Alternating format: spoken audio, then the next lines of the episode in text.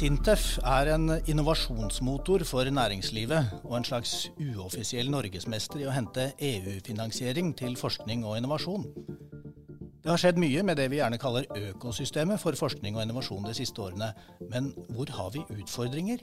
Og hvordan kan Norge lykkes enda bedre i EUs programmer? Alexandra Bech Gjørv er konsernsjef i Sintef og er gjest i Innopodden sammen med Håkon Haugli og meg, Kjetil Svorkmo Bergman. Velkommen til Innopodden, Alexandra Bekkjørv. Tusen takk. Når jeg forsøker å finne ut hva Sintef egentlig driver med, så dukker det opp alt fra selvkjørende biler til vulkanutbrudd på Tonga, og hvordan boligmarkedet ser ut for utviklingshemmede. Ved etableringen i 1950 så het Sintef Selskapet for industriell og teknisk forskning ved Norges tekniske høgskole, det vi nå kjenner som NTNU. Og dere har blant mye annet 2000 fageksperter, 100 laboratorier, og dere spinner ut stadig nye selskaper. Og dere har prosjekter for 3500 norske virksomheter. Mm -hmm. Men hvordan ville du beskrive Sintef? På mange måter er vi jo forskningsavdelingen til norske bedrifter.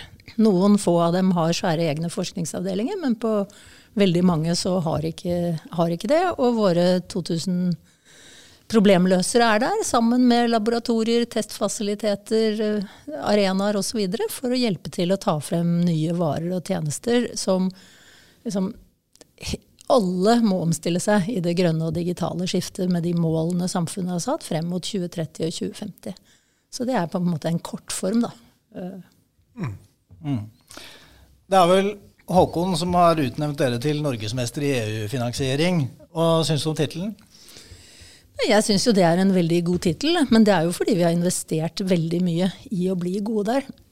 For vi, eh, vi har jeg tror Sintef deltar i 30 forskjellige EU-komiteer som utformer liksom, hva skal vi bruke disse enorme ressursene på. Og da prøver vi å ta med oss den kunnskapen vi har gjennom et enormt nettverk blant norske eh, bedrifter for å si hvor er det Norge kan bidra i det grønne digitale skiftet, og hvordan kan vi påvirke at at disse pengene blir utlyst på de områdene hvor vi kan hevde oss. Og, og det er eh, en, Alle forsøker å gjøre det, men vi bruker nok mye mer ressurser på det enn de fleste andre. Og da har vi også en veldig god uh, uttelling i denne Det er jo verdens største forskningskonferanse. Konkurranse.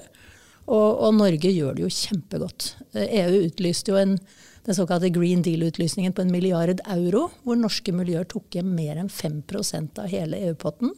Og hvor vi er en svær aktør der, og det er jeg kjempestolt av. Håkon, du er opptatt av at EUs eh, e midler må komme i tillegg til de pengene som den norske staten bruker på forskning og, og innovasjon. Hva kan vi lære av Sintef for å få henta ut mer? Um, veldig mye. Um, det er veldig viktig det eh, Alexandra sier om å være til stede i de beslutningsprosessene hvor uh, man avgjør hvordan uh, utlysninger skal utformes, hva man ønsker å oppnå med programmene. Og der tror jeg Sintef er ganske alene i Norge faktisk om å dedikere ressurser til det. Og så I tillegg så må man bygge erfaring over tid. Og der er også Sintef helt unikt. Og hvis vi ser på det som kan, hvis vi er Innovasjon Norges mål da, med vår virksomhet, flere gode gründere, flere vekstkraftige bedrifter og innovative næringsmiljøer i hele landet, så er Sintef en driver på alle de variablene, og en viktig samarbeidspartner og en viktig premissleverandør. Og det med EU kontra norsk finansiering er jo bare en bit av det. Det må være en sum, en miks av begge deler. Deltakelse i europeiske programmer har mange verdier som ikke er så lett å måle i kroner. Da. Det å bygge en felles kunnskapsbase, være tett på kunnskapsmiljøer, bygge nettverk, komme tettere på markeder, kunder i relevante land, og selvfølgelig også den finansieringen som norske virksomheter henter tilbake, både forskningsmiljøer og bedrifter. Så nå har jeg uttrykt min begeistring for det viktige arbeidet Sintef gjør, og det er det all grunn til. Og Én ting er å være norgesmester i å hente EU-finansiering, men jeg tror vel så viktig er dette med å være innovasjonsmotor for hele Norge. Forsknings- og innovasjonsavdeling for store bedrifter og, og småbedrifter. Ja, og det er ofte samspill mellom store og små også. F.eks. har vi et prosjekt som heter Secrets, som går mellom Yara og et oppstartsselskap som heter Ritech. Og det handler rett og slett om å ta det som tidligere var sett på som avfall fra Yaras produksjon, og hente ut sjeldne jordartsmetaller, som er viktige komponenter i elektronikk. Og så vidt jeg vet har Ritek da utviklet kunderelasjoner i Tyskland og England i forbindelse med dette innovasjonsarbeidet som, som, som skaper nye produkter for dem.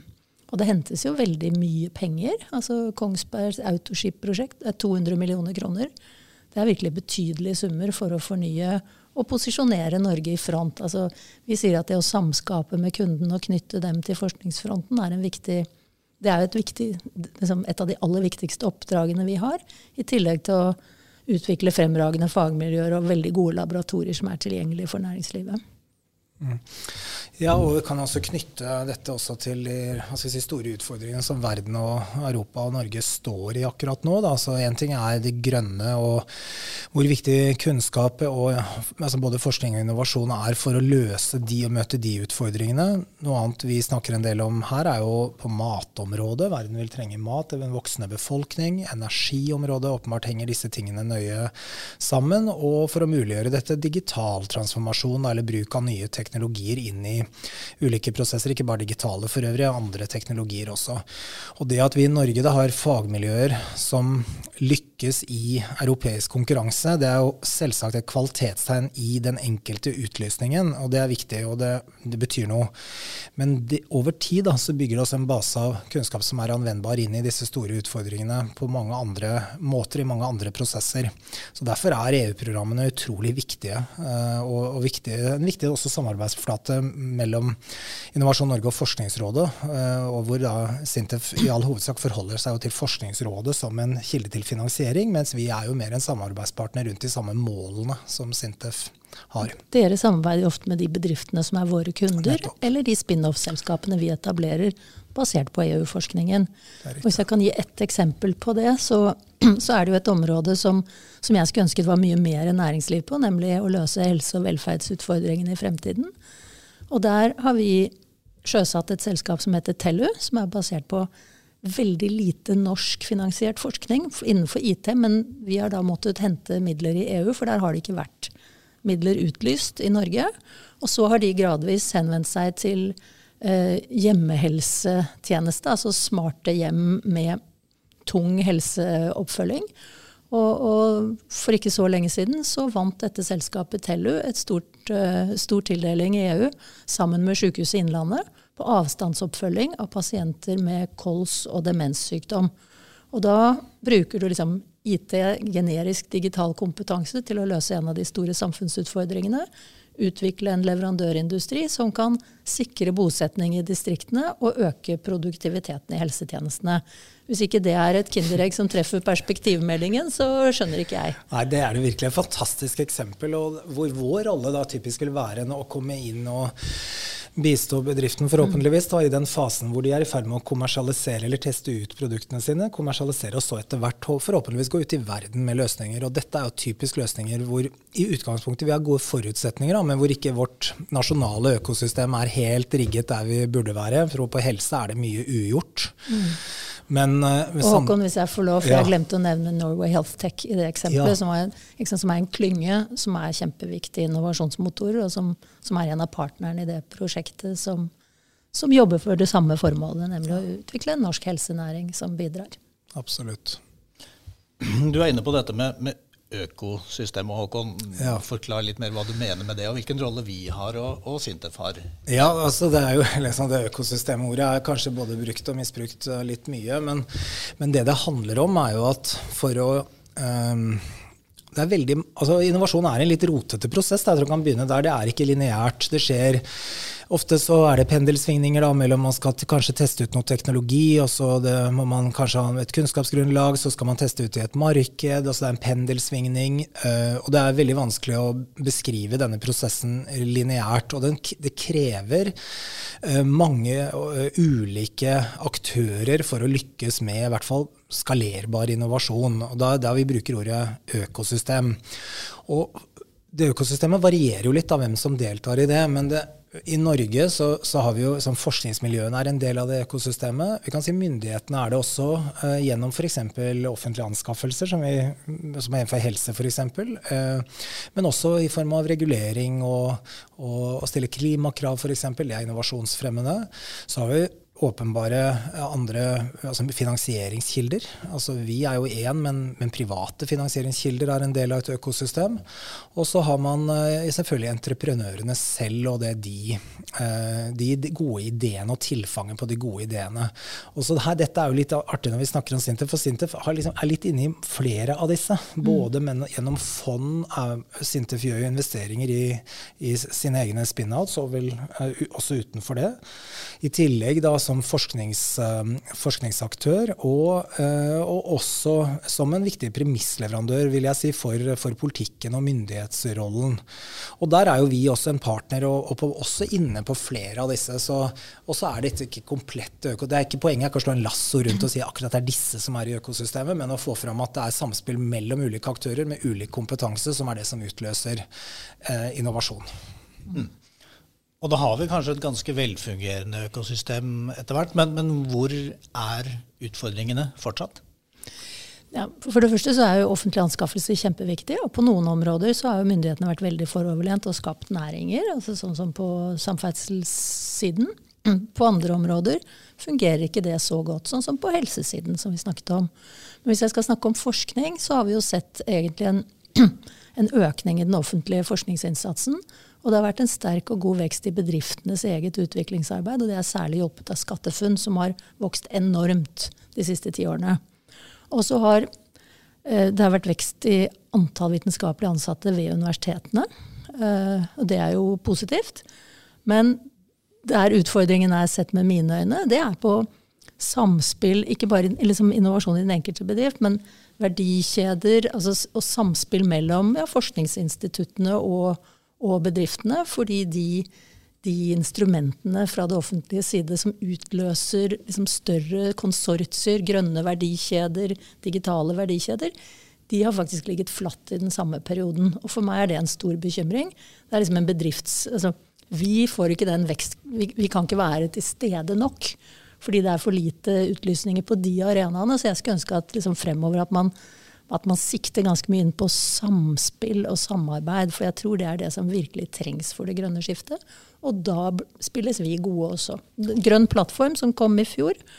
Eh, man kan si mye om at det var administrativt ganske kaotisk, tror jeg. Men, men jeg mener jo at de verdikjedene som fikk tildeling, var veldig gode. Og da var det jo elleve av de eh, Nei, ni av de elleve verdikjedene som fikk tildeling, valgte jo å samarbeide med oss. Og, og, det er vi veldig glad for, men vi tror også det er fordi det er bra for dem. Ja, det er all grunn til å gratulere med det. Jeg, men til det poenget med um, konsortier eller eh, hele verdikjeder. Dette er jeg veldig, veldig enig i. Og uh, her er det behov for å gjøre mer enn det vi, vi greier. Og det er en klar endring i innovasjonspolitikken mot mer av det, særlig i Europa. Og i Norge har vi noen veldig gode erfaringer på at vi lykkes med det. Som du er inne på, elferger er et eksempel jeg syns er veldig godt. da. Mm. Har, det hjelper jo ikke å bistå en enkeltbedrift til å bygge en elferge hvis det ikke er noen infrastruktur rundt den elfergen, en ladestasjon på land eller, eller, en, eller en, kunde da, som, som, er opptatt av det produktet. Og det hjelper lite å stimulere bare til kunnskap kunnskapsutvikling hvis ikke løsningene tas i bruk, og vice versa. Så det å tenke eh, helhetlig løft, eller det vi kan kalle systemisk innovasjon, det må vi gjøre mer av fremover. Og så må vi finne ut, av altså Mission er jo et begrep som EU eh, e har introdusert. Jeg tror Vi er nok ikke helt i mål i Norge å forstå hvordan vi skal bruke den metodikken på en eh, god måte, men vi har veldig mye relevant erfaring. Så det handler tror jeg, litt om å få disse legoklossene til å plugges litt bedre eh, sammen. Eh, og analysen er helt, eh, for meg helt åpenbar. og jeg tror, altså, vi har, jeg tror Hvis du til spørsmålet ditt om økosystemet fungerer bra, så vil jeg si sånn én-til-én mellom for en bedrift så er forutsetningene gode i Norge for å lykkes. Sånn, nå er det litt sånn grov og bred påstand. Men både det gjelder oppstartsbedrifter og det gjelder også Eh, etablert næringsliv innenfor etablerte markeder. Mm. Det vi ikke er gode på, det er å utvikle nye markeder og løfte hele verdikjeder. Og det er akkurat det som skal til da, for å lykkes med klimautfordringer eller systemutfordringer innenfor f.eks. helse. Mm. Vi må jo være glad for at uh, altså de siste par årene, selv om det har vært en dipp for grønne aksjer på børsen, så har jo kapital til norske teknologiselskaper kommet mye, mye nærmere. Altså det er mm. ufattelig hvilken knoppskyting som har skjedd den siste tiden. Og, og det, det, er jo mange av de bedriftene vi har samarbeidet med, og det er veldig veldig bra. For vi har et, jeg mener at vi har en veldig god teknologiplattform, og vi har et begynner etter hvert også å få ganske mange som har vært gjennom oppstartsvirksomhet, vekst, og går tilbake og bruker både tiden sin og pengene sine på å være med der. Så jeg er litt optimistisk på det, da. Jeg også er optimist. Jeg syns det var litt gøy vi fikk disse første enhjørningene også. Det betyr jo selvfølgelig bare et symbol, men, men, at man i Norge da lykkes med de første bedriftene som passerer en milliard dollar, er det egentlig da, i investeringskapital, og som viser at vi med utgangspunkt i norsk kunnskap og teknologi kan lage de skalerbare selskapene. Og det handler jo veldig mye om å være i forkant på teknologien, selvfølgelig møte et markedsbehov, det er jo helt grunnleggende. Og, og så at dette økosystemet da evner å uh, være der for bedriftene i deres ulike uh, hva skal vi si, død, Det er ikke bare én dødens dal, det kan være flere, og det vil være ulike behov. Vi har kommet langt i løpet av ganske få år på, på dette. Så jeg tenker neste omdreining nå er dette, er dette verdikjede, helhet, mission gjerne, um, området hvor, hvor, mye er ugjort, og hvor jeg tror innovasjonspolitikken i EU i hvert fall trekker oss i den retningen. Og så har vi noen gode erfaringer på Grønn plattform. Jeg forstår godt at det er litt sånn tungvint, eh, tungvint ordning, for den etableres liksom på toppen av eksisterende ordninger. Mens Pilot E, da, som er et annet prosjekt vi har, er en enklere modell, kanskje. Så vi får ta med oss uh, den, uh, den, tankegangen på hvordan vi kan fra virkemiddelapparatets side gjøre det enklest mulig for brukerne eller kundene av ordningen. Men det, altså, Dere kastet dere jo rundt midt i pandemien, så jeg syns jeg er liksom honnør egentlig til myndighetene også for å ha klart å lande på noe. Og vi har sett på noen av eksemplene. så Havvind er jo en spennende eh, næring hvor Norge ønsker å hevde seg. Og, og, for to år siden så ble det utlyst en, et sånn forskningssenter for miljøvennlig energi, hvor det var jeg tror det er nesten 50 bedrifter som kom sammen og vi laget dette senteret. Og de offentlig-privat spleiselag rundt åpen forskning på felles problemstillinger. Og så kom Grønn plattform, og da sa man at dette med nettilknytning til sjøs, det er en absolutt forutsetning. Og da er det noe forskning, men egentlig så tror jeg det er fire-fem bedrifter som da har fått penger til konkrete innovasjoner som de trenger for å hevde seg i konkurransen. Og da er det liksom fire-fem bedrifter som rykker sammen i takt mm. for at Norge skal liksom hevde seg på det området. Og for meg er det en logikk i det. Og at sånn sett så er det bra samspill mellom forskningsmidler og mer innovasjonsrettede offentlige investeringer. Mm. Vi, vi, begynner så smått å nærme oss slutten på denne samtalen, men hvis du skal se enda lenger framover, hva, hva, tror du skal til for at Norge og norske bedrifter skal lykkes enda bedre i å hente ut finansiering fra EU-systemet?